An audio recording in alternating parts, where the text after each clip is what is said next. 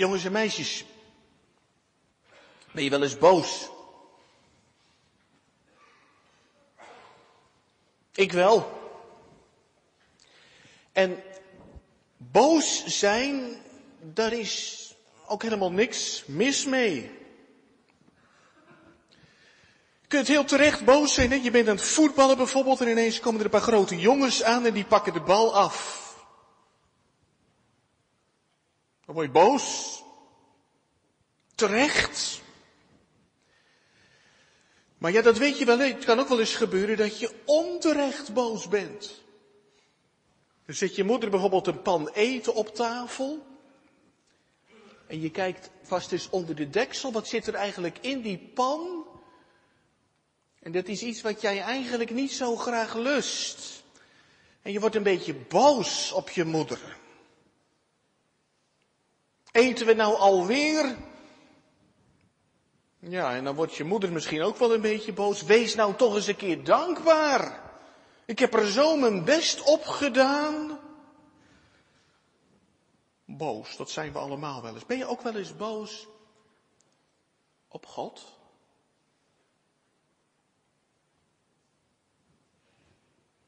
Misschien zeg je dan nee. Boos op God, dat zou ik niet durven. Gemeente, bent u wel eens boos op God? Jona is boos op de Heer. En misschien zegt u wel boos op de Heer. Nee, dat zou ik niet durven. En toch, misschien lijken wij wel meer op Jona dan we eigenlijk waar willen hebben. Boek Jona heeft iets van een spiegel.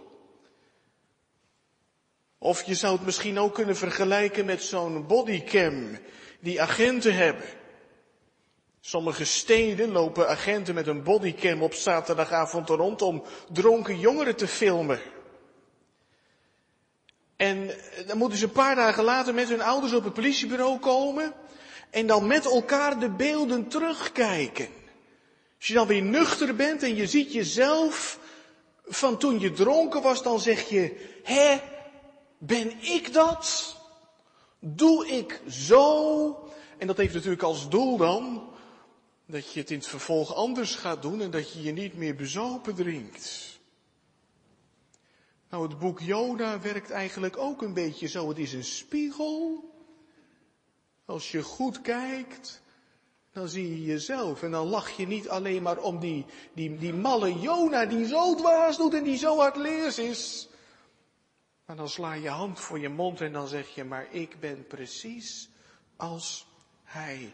En dan is het juist zo genadig om te merken in het boek Jona dat de Heer Jona niet afschrijft en zegt, nou is het klaar.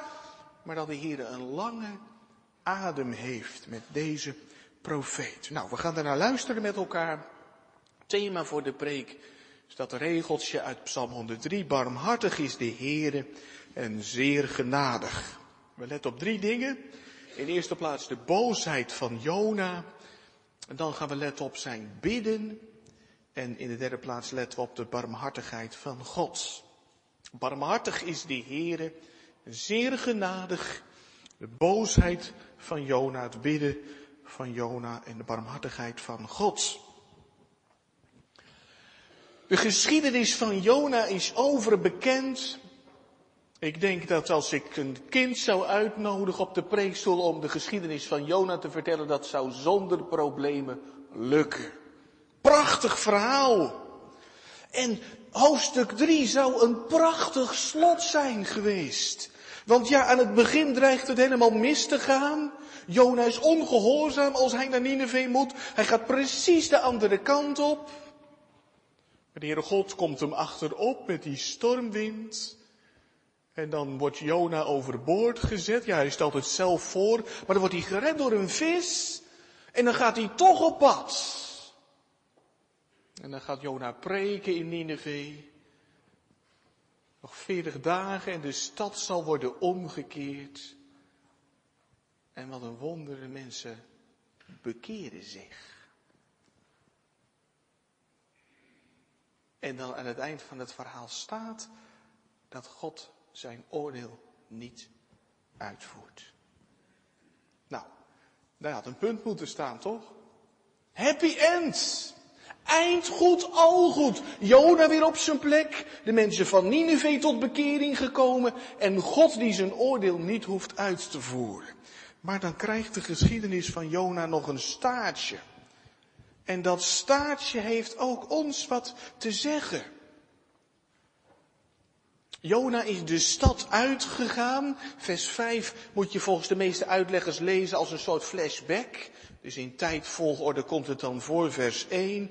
En Jona is in de, aan, de oostkant van de stad gaan zitten op een heuvel. En heeft hier mooi uitzicht over de stad. En hij bouwt een afdak. Er staat in het Hebreeuws het woord soeka. Kent u misschien? Sukkot, loofhuttenfeest. Soeka is het woord wat gebruikt wordt voor de, voor de loofhut. Israël bouwde met het loofhuttenfeest. Misschien heeft hij een paar takken in de grond gestoken en zijn mantel eroverheen gespannen of zo. En dan gaat hij zitten wachten tot God het aangekondigde oordeel uitvoert. En dan moet je eens letten op hoe die wacht als Abraham hoort dat God gaat komen met zijn oordeel over Sodom en Gomorra, dan gaat Abraham bidden, Heer, als er nou nog eens vijftig rechtvaardigen zijn, of 45, of 40, of 30, of 20, of 10. Aanhoudend bidt Abraham en Jona, die zit niet te bidden, maar die zit zich te verlekkeren als die denkt aan de oordeelsdag. Maar het ultimatum verstrijkt en er is geen bliksemflits te bespeuren in de hemel om de, de, de stad in brand te steken. En er komt ook nog niet een vloedgolf aan om de stad schoon te spoelen. En er is ook nog geen troepenbeweging in de verte van een vijand die de stad onder de voet zal gaan lopen. En terwijl in de stad God wordt geloofd en gedankt, is Jona boos. Boos omdat God goed is. En dan zeg je toch niet te geloven. Welke opwekkingsprediker heeft ooit zoveel vrucht gehad op één preek? Aan het slot van het boek Jona lees je een getal 120.000 mensen. En of dat het nou gaat om, om, om kinderen, omdat erbij staat dat ze het verschil tussen een linker en een rechterhand niet weten. Of dat het gaat over heel die stad, dat het een aanduiding is van mensen die hun moreel kompas kwijt zijn. 120.000 in elk geval. Dat is 40 keer Pinksteren. Dan zou je toch blij moeten zijn? Toch? Zoveel vrucht op één preek. Een preek van vijf seconden, nog veertig dagen. En Nineveh zal ondersteboven worden gekeerd. Waarom is Jona dan toch boos? Het is goed om te proberen om dat met elkaar te begrijpen. En dat heeft alles te maken met de liefde die Jona heeft voor zijn land. Heeft hij het ook over in vers 2, hè? Over mijn land. Was dit mijn woord niet toen ik nog in mijn land was? Het zou toch rechtvaardig zijn als de Heere Nineveh zou oordelen. Nineveh is de hoofdstad van Assyrië. En de Assyriërs, dat zijn zeg maar de IS'ers van de oudheid. De stad is gesticht door Nimrod, een geweldenaar op de aarde, een strijder. En geweld zit in het DNA van de Assyriërs. En de volken in het oude nabije oosten hebben te lijden onder de Assyriërs. Vertrapte velden, verwoeste steden, meedogenloos vermoorde mensen, verkrachte vrouwen en meisjes. Dan kun je toch begrijpen dat Jonas snakt naar de dag dat God zal afrekenen met de Assyriërs. Daar kan ik wel inkomen hoor. Het, het zou je vrouw, het zou je dochter maar zijn. Jona is boos omdat de Assyriërs hun verdiende straf ontlopen. En ongetwijfeld heeft het ook te maken met de onbekeerlijkheid van zijn eigen volk. Want ja, Jona heeft ook gepreekt in zijn, in zijn eigen land. Tien stammenrijk, hij komt uit Gadhever, Galilea, vlakbij Nazareth. Maar zijn prediking leidt daar nog niet tot inkeer. En dan zou het toch prachtig zijn als Nineveh zou worden verwoest. Dat zou dan een waarschuwend voorbeeld zijn voor de mensen in zijn eigen land.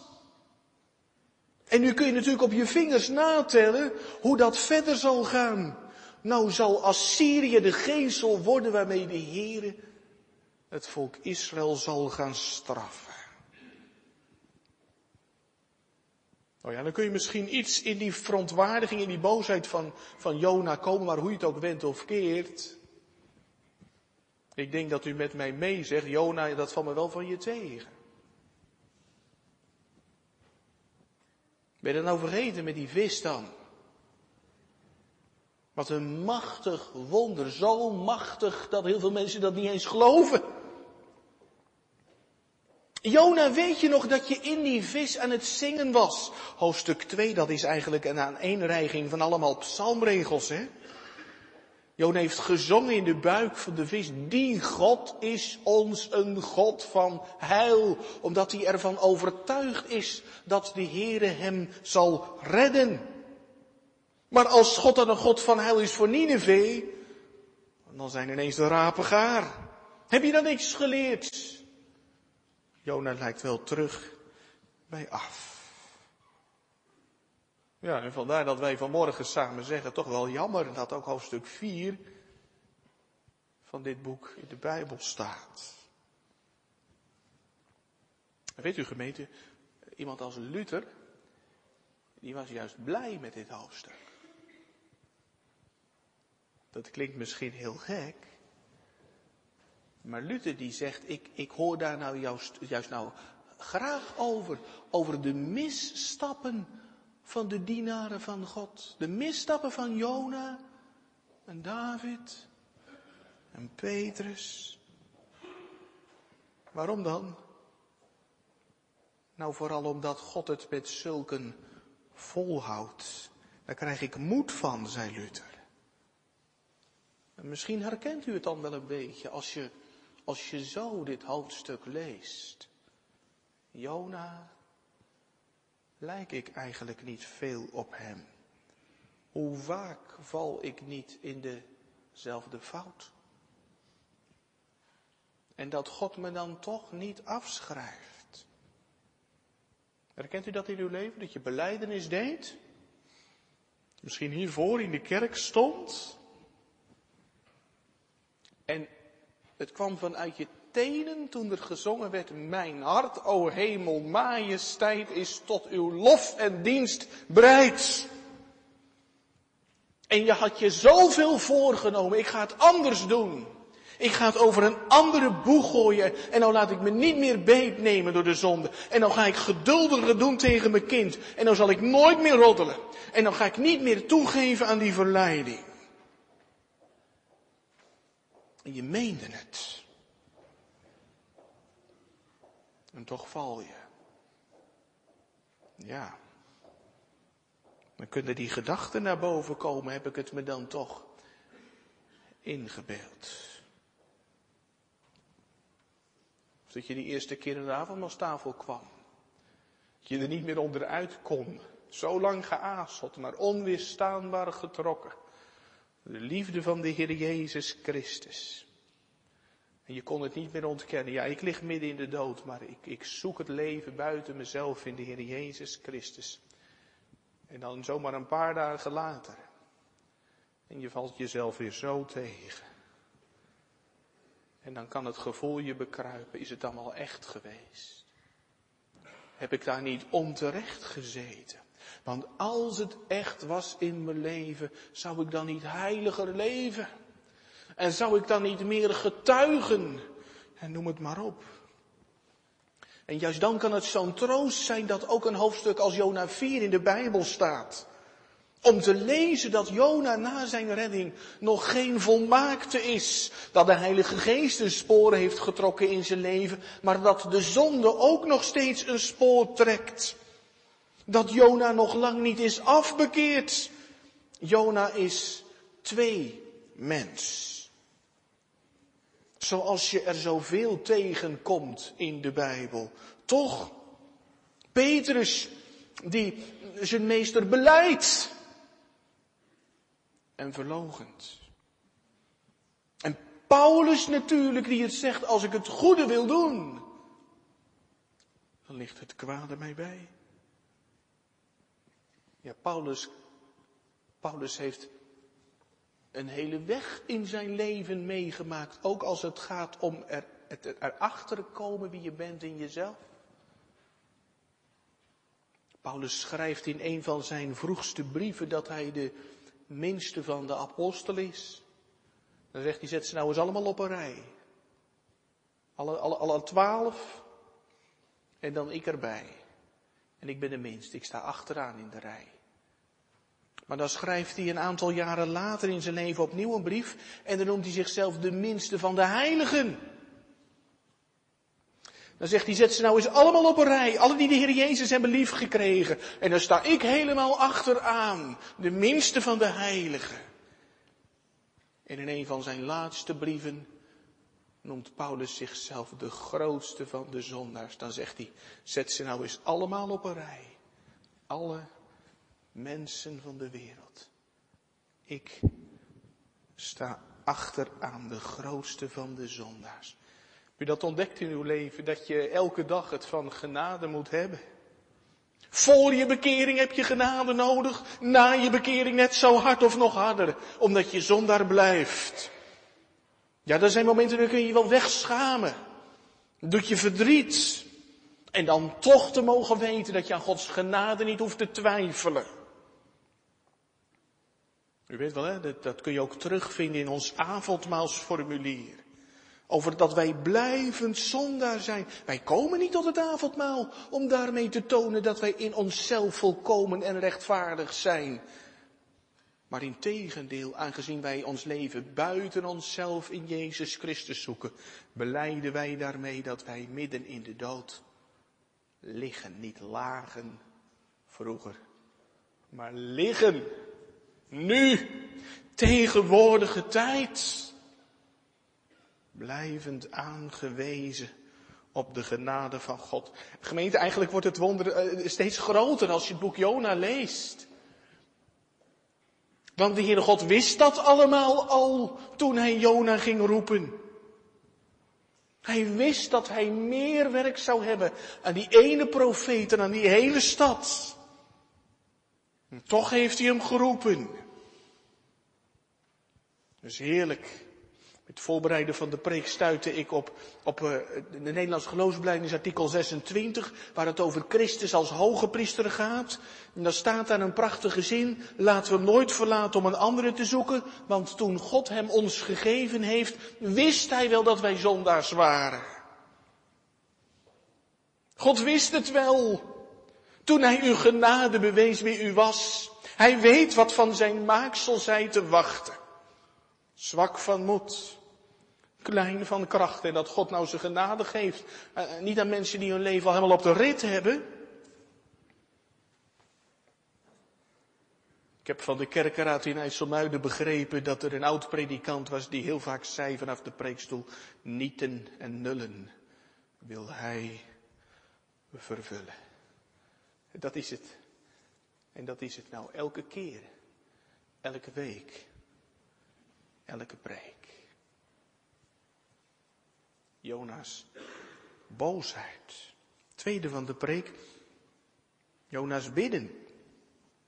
Want ja, Jona is weer aan het bidden, zou je niet verwachten, maar hij is blijkbaar dan toch een man van gebed geweest. Ja, hoofdstuk 1, daar bidt iedereen behalve Jona. Maar hoofdstuk 2, daar hoor je hem bidden. En hier dan weer.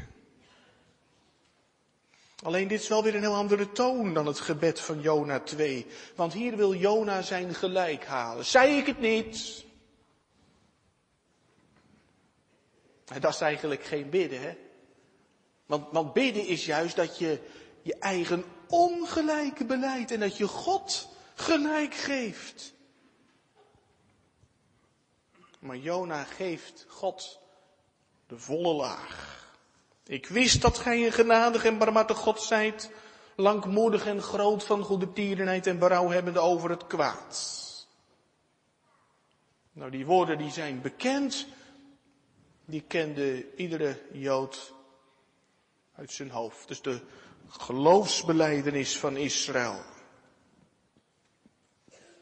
Kom je voor het eerst tegen in de Bijbel, in de geschiedenis van het gouden kalf. Heeft Israël gezondigd tegen het tweede gebod. Een gesneden beeld om daardoor de Heere te dienen, eigenwillige godsdienst. En dan zegt de Heere Mozes, ik ga het volk verdelgen en dan begin ik met jou wel opnieuw. En dan springt Mozes voor het volk in de bres. Heere, hoe moet het dan met uw grote naam? En wat zullen ze wel niet zeggen in Egypte?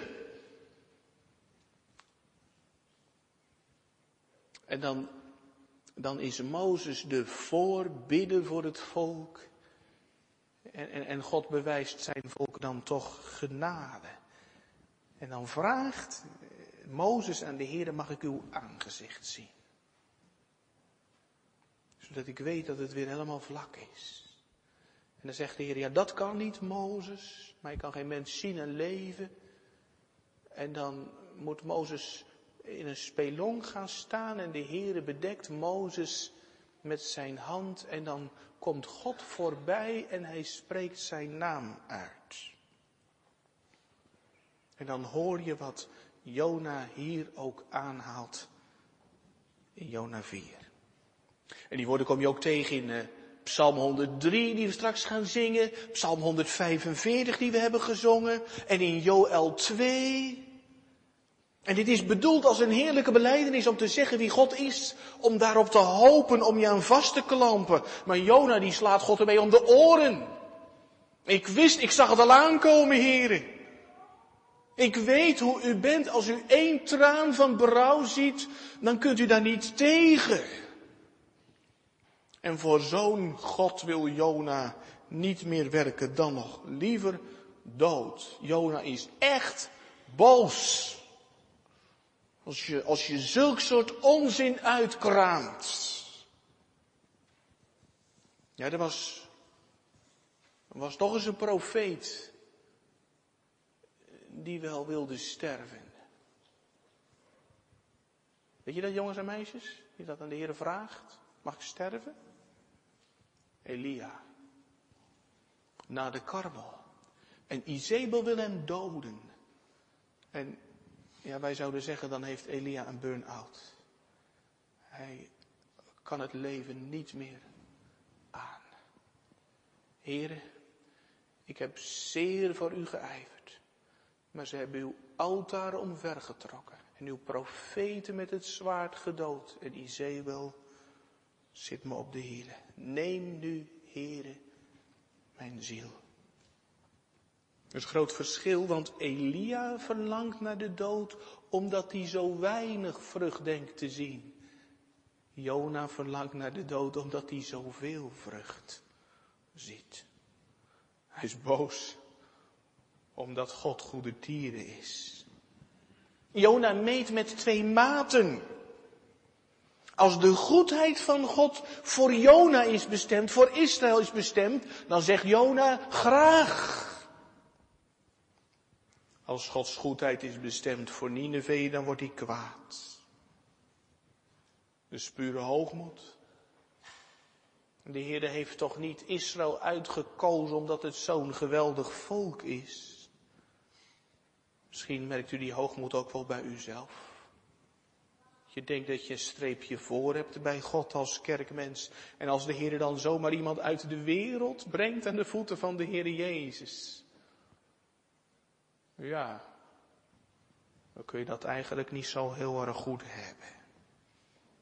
Net zoals de schriftgeleerden en de fariseeën, ze kunnen het niet verkroppen dat de Heer Jezus tollenaars en zondaars ontvangt.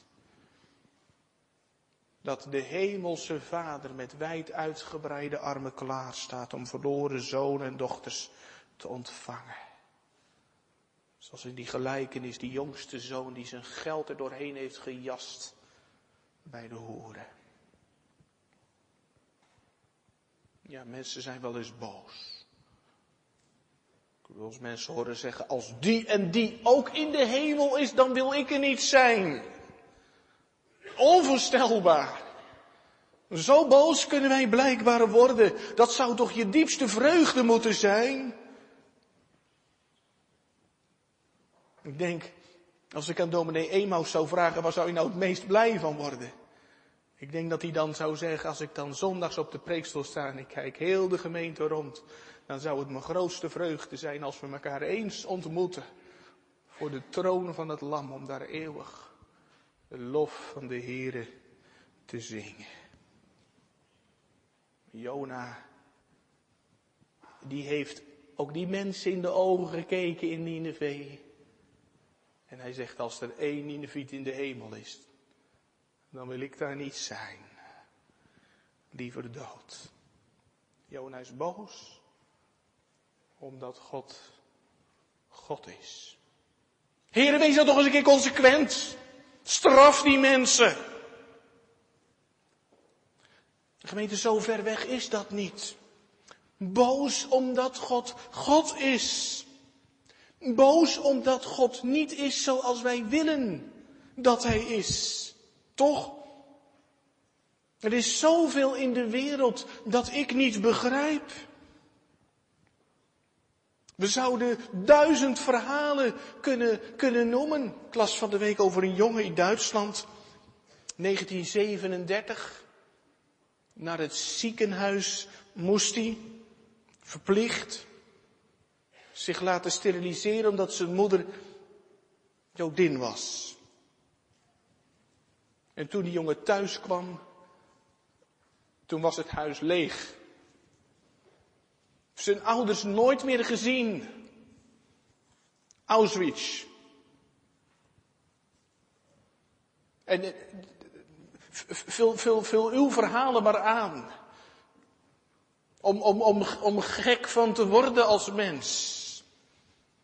En dat doet dan toch de vraag geboren worden, waarom grijpt God niet in? En dat zijn niet alleen maar vragen die, die mensen van buiten de kerk stellen, maar die wij toch net zo goed stellen.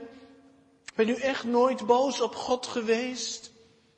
De tegenslagen van het leven? Toen de zaak failliet ging? Toen je ziek werd? Werkloos? Het aangrijpende sterfgeval in de familie? Toen je verkering uitging? Toen je ontdekte dat je anders geaard bent? Heren, duizenden kinderen worden er in ons land geaborteerd en ik heb er geen één. Waarom doet u het zo? Heren, waarom komt in mijn gezin altijd alles tegelijk en in dat andere gezin is nooit wat? Dat zeggen we natuurlijk niet altijd hardop, maar wat kun je diep in je hart boos zijn op God? Merk je trouwens ook in de psalmen, hè? Misschien is het bekendste voorbeeld wel Asaf in Psalm 73. Ik zag met nijdige ogen aan hoe dwazen hier op rozen gaan. Die goddelozen die aan God nog gebod doen, maar ongestraft hun gang kunnen gaan. En dan pijnst de ziel. Is het waar? Zou God ook weten van mijn droevige lot, Heer? Ik merk helemaal niks van u. Een boze bui. Een opstandige bui in uw leven. Heren, u bent toch niet doof? Hoe lang bid ik nou al? Ik ga ermee stoppen om u te dienen, want u hoort me toch niet. Mensen zeggen dat wel eens, hè? Bijvoorbeeld op hun ziekbed, de Heere bewaart me voor opstandigheid. Ja, dat is nou echt genade. Als God je bewaart voor opstandigheid, want Jona zit in mijn hart. Boos, omdat God God is. Een God die ons geen rekenschap geeft van zijn daden, dat is die ook helemaal niet verplicht. En dan nog het derde van de preek, de barmhartigheid van God. Jona zegt, ik wou maar dat ik dood was. En nou had de Heer kunnen zeggen, Jona, sterf dan maar. Mijn geduld is ook een keertje op. En hoe doet de Heer dat? Hij geeft Jona niet de volle laag, maar stelt een vraag. Zoals een wijze pastor. Heb je wel eens hè, dat iemand in een cirkel van boosheid zit? Iemand die zo boos is. En, en, en eigenlijk kan niemand erbij. Je, je, je staat je blind op dat ene probleem en je ziet niks anders meer. Of je bent zo overtuigd van je eigen gelijk. Dat je je niet meer openstelt voor de mening van anderen. En je wereldje wordt zo klein dat je vervalt in zelfmedelijden. En dan gaat de Heer een weg zoeken naar Jona's hart en hij stelt een vraag. Dat horen we de Heer vaker doen in de Bijbel. Hij een vraag stelt. Zo begint de Heer al, hè? Adam, waar zijt gij? Of tegen K in, waar is Abel? Uw broeder? Of tegen Hagar, als ze gevlucht is bij Sarah vandaan, als ze zwanger is? Waar kom je vandaan en waar ga je heen? En de Heer doet het ook door middel van de profeten. Micha, mijn volk, wat heb ik u aangedaan? Waarmee heb ik u vermoeid? Of Jezaja 40, waarmee wilt u mij vergelijken? Of de heiland aan, aan de discipelen, willen jullie ook niet weggaan? Simon, hebt gij mij lief? Zo, zo. Wat vervolgt gij mij? En die vragen die, die willen werken als een spiegel, als zo'n bodycam. Dat je gaat nadenken. En dat je ook even schrikt van jezelf. Hier ook. Een prikkende vraag, hè? is uw toorn billig ontstoken? Is het nou terecht dat je zo boos bent? Je dat nou vergeten? Van die vis? Als ik niet barmhartig was geweest, had je op de zeebodem gelegen? En, en, en kijk eens omhoog naar die soeka, weet je nog? Van dat verbond wat ik heb gesloten toen jouw volk in de woestijn was? Is die soeka niet een teken van de onverdiende genade van mij? Jullie heb gered uit Egypte. Weet, als u ook wel eens boos bent op God, dan, dan is het alsof, alsof wij over de schouder van Jona heen meeluisteren en ook een vraag horen van God. Is het nou terecht dat je boos bent? Bij al die vragen die wij kunnen hebben als mensen. De vraag die de wereld stelt. Als God bestaat, waarom dan? Waarom grijpt God niet onmiddellijk in? Dan zou de Heer aan ons kunnen vragen, wat wil je dan dat ik doe?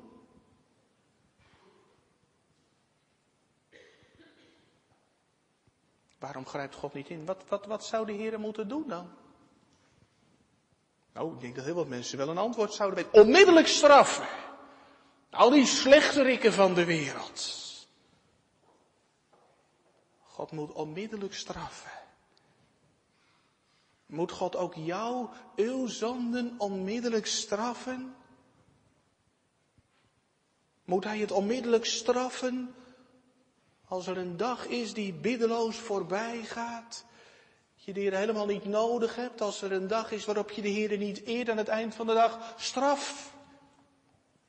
Naar het eeuwig verderf. Moet God het onmiddellijk straffen als je haat koestert, als je ruzie maakt, als er een vuile gedachte bij je opkomt, als je roddelt, als je niet eerlijk bent? Leven wij zelf ook niet van de verdraagzaamheid van God? Of hebben wij rechten tegenover de Heer? Ik denk nog maar even aan die gelijkenis van die verloren zoon. Hoe ging die ook alweer, jongens en meisjes? Er zit die jongen bij de varkens. Is honger in het land.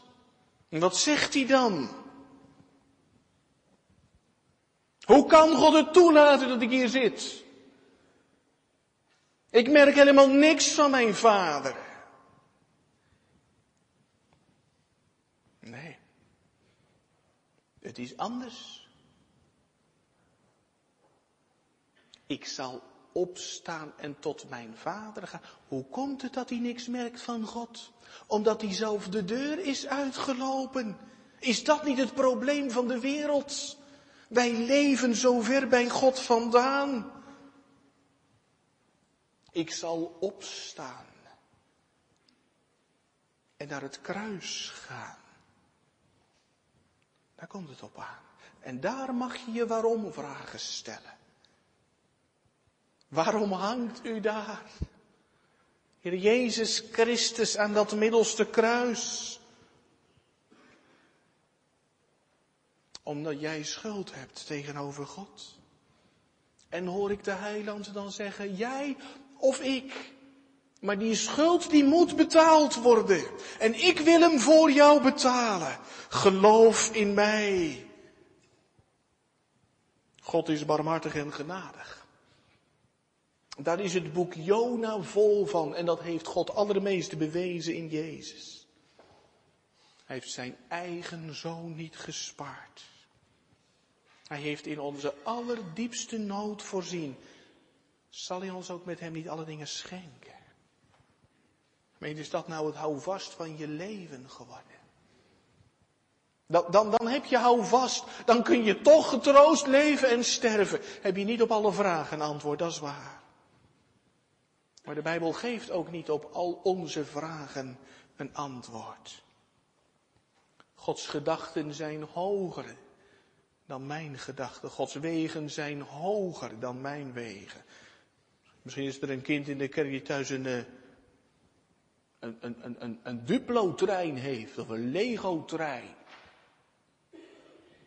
Nou ja, heb je wel eens geprobeerd om, uh, om met jouw jouw Duplo-trein uh, naar de spoorlijn te fietsen. Is hier ergens een spoorlijn in de buurt? Moet je wel een stukje fietsen, hè? Maar om, om met jouw Duplo-trein te gaan rijden op de echte spoorlijn, waar de echte treinen van de NS rijden. Dat past niet. Dat past niet. Nou, zo, zo is het ook. Mijn verstand en Gods verstand Past niet. Gods wegen zijn hoger dan mijn wegen. Gods gedachten hoger dan die van mij. Maar wel dat hou vast. Van de catechismus, weet u wel? Omwille van zijn zoon. Is die God en Vader van de Heer Jezus Christus mijn God en mijn Vader op wie ik zo vertrouw dat ik niet twijfel. Of hij zal mij met alle noden van lichaam en ziel verzorgen en het kwaad dat hij mij in dit jammerdal toeschikt mij ten beste weren. Een kleinkind begrijpt zijn vader lang niet altijd, maar hoeft ook niet. Hij vertrouwt zijn vader, overtuigd dat hij volkomen wijs is. Ook als hij kastijdt wie hij lief heeft. Overtuigd dat alle dingen meewerken ten goede voor hen die hem lief hebben. Hoe donker ooit Gods weg mogen wezen. Hij ziet in gunst op wie hem vrezen. Overtuigd van de langmoedigheid van God, omdat hij niet wil dat enige verloren gaan. Gemeente, in de Heer Jezus Christus gaat dat hart van God wagenwijd open. En dan moet je vanmorgen eens kijken in dat hart. Want dat mag ik preken. Dat God genadig is. Dat je niet krijgt wat je wel verdient en dat je wel krijgt wat je niet verdient. Dat er redding is door het bloed van de Heer Jezus Christus. En dat God barmhartig is. Dat de Heer meer lief heeft dan welke moeder ook. Dat hart van God, dat is zo groot. Daar kunnen wij met z'n allen in en daar past heel de wereld in. Als je daar een beroep op doet, dan laat God je niet aan je lot over.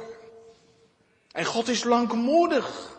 Hij is zo geduldig. Hoeveel eeuwen heeft God al geduld met de wereld? Hoeveel jaren heeft Hij al geduld met mij? Hij wacht nog met de afrekening, omdat Hij niet wil dat enige verloren gaan. Hij is groot van goede tierenheid, de overtreffende trap van goed. En heeft berouw over het kwaad. Kijk maar naar Nineveh. Wie hem aanroept in de nood, vindt zijn gunst oneindig groot. Jona 4. Neem het maar mee naar huis, gemeente, en kijk de beelden nog eens terug. Ben ik dat? Jona 4. Mijn leven. Ja. Ik ben die man. Twee mensen. Val steeds in herhaling moet steeds weer van genade leven.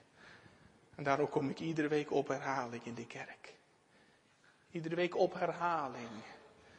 De voet van het kruis, omdat God goed is.